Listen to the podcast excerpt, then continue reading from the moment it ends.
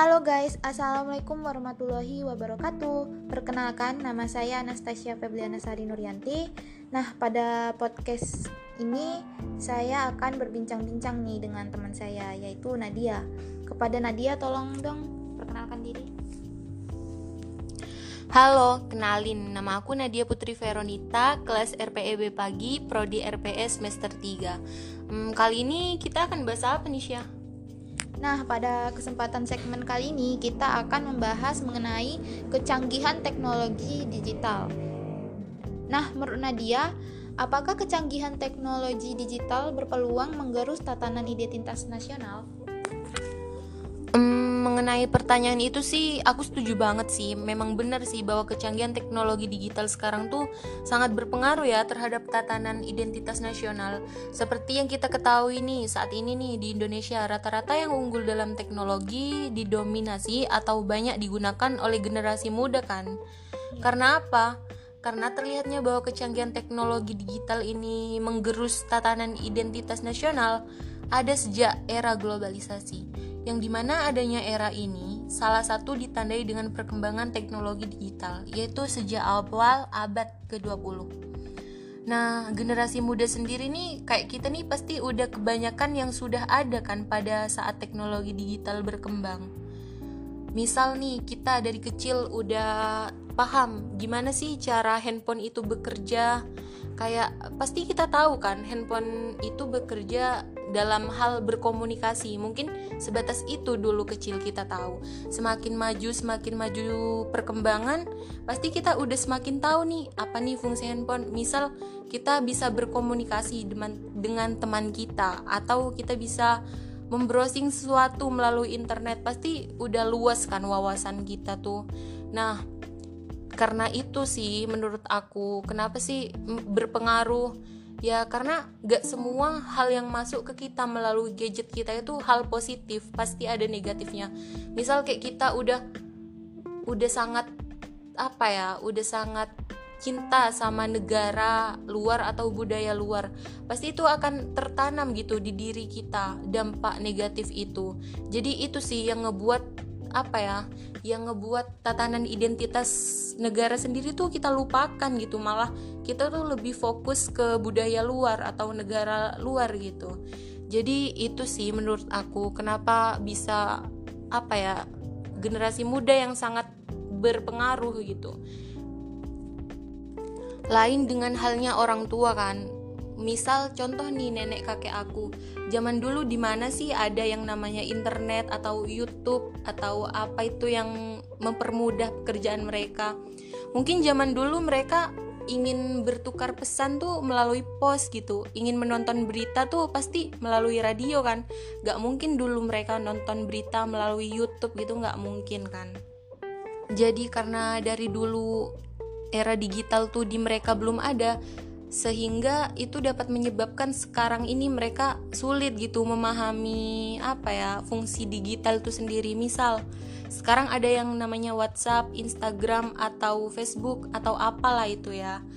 Mereka tuh mana paham gitu? Mungkin mereka paham fungsi telepon itu untuk hmm, apa?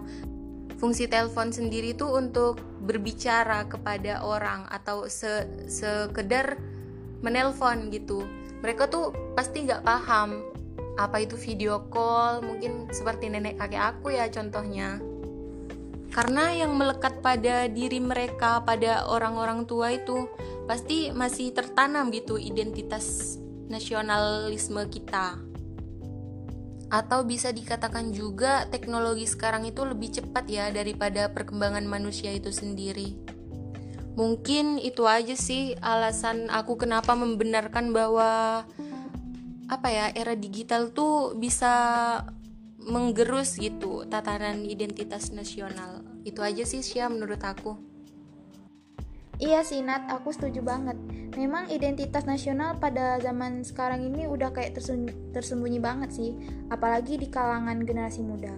Jadi Nadia, ada nggak sih dampak dari kecanggihan teknologi terhadap tatanan identitas nasional?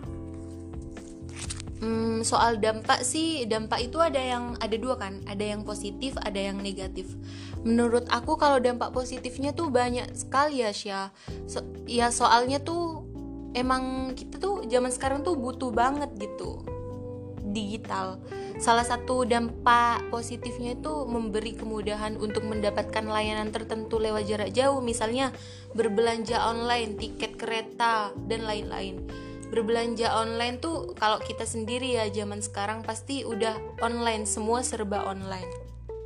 Misal kita kayak suka beli baju online, suka beli apa-apa semua online sekarang kan. Yang kedua menghemat waktu, bisa dilakukan kapan pun dan di mana pun. Yang dimaksud kapan pun dan di mana pun ini mungkin lebih ke misal nih kita lagi di luar, kita butuh informasi tentang sesuatu, kita bisa nyari di internet kan. Kalau zaman dulu, kalau kita melihat kembali ke zaman dulu, butuh informasi ini mungkin dari orang yang tahu atau dari koran atau dari berita di radio gitu sih. Yang ketiga, kemudahan untuk mencari dan mendapatkan informasi lewat akses internet. Nah, seperti yang aku sebutin nih tadi nih. Yang keempat, dapat dijadikan sarana hiburan, misalnya mengakses sosial media atau streaming film dan musik.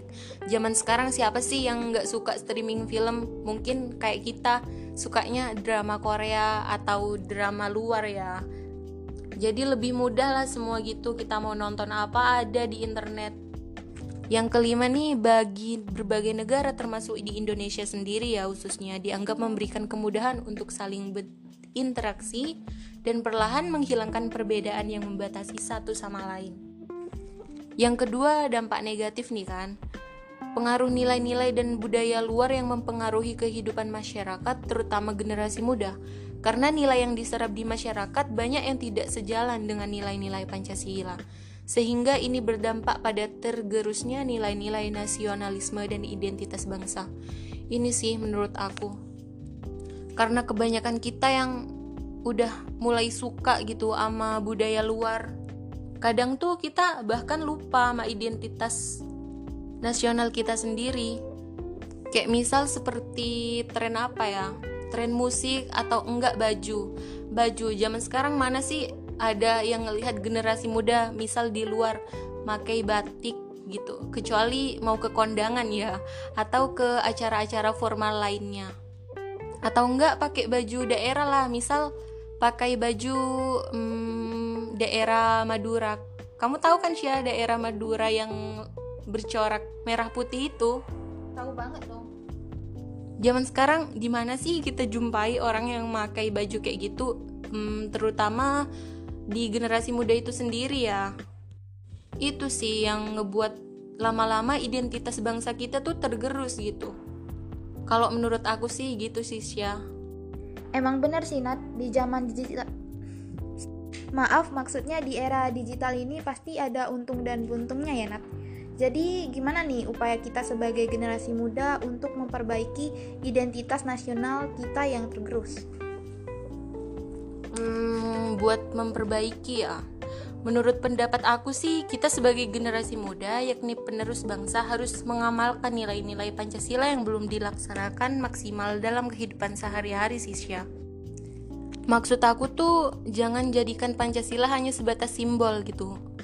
Hmm, Pancasila dijadikan sebatas simbol tuh gini nih kita tahu kita Pancasila asas kita tuh Pancasila kita tahu itu tapi yang kita amalkan tuh bukan nilai dari Pancasila gitu malah kita memproduksi hal-hal yang berbau-bau apa ya luar negara gitu itu kan itu sih penyebab kita bisa tergerus identitas nasionalnya jadi kita sebagai generasi muda ayolah sama-sama kita perbaiki identitas nasional kita. Gitu sih Sia menurut aku. Jadi kira-kira itu pendapat Nadia mengenai eh, bincang-bincang uh, kita hari ini. Ya, mohon maaf, mungkin karena bahasa kita, bahasa kita sebagai teman mungkin terlalu apa ya? Terlalu menggunakan bahasa sehari-hari gitu, tapi kita ingin bahasa kita nih diserap dan dipahami oleh kalian yang mendengarnya. Jadi kurang lebihnya mohon maaf ya.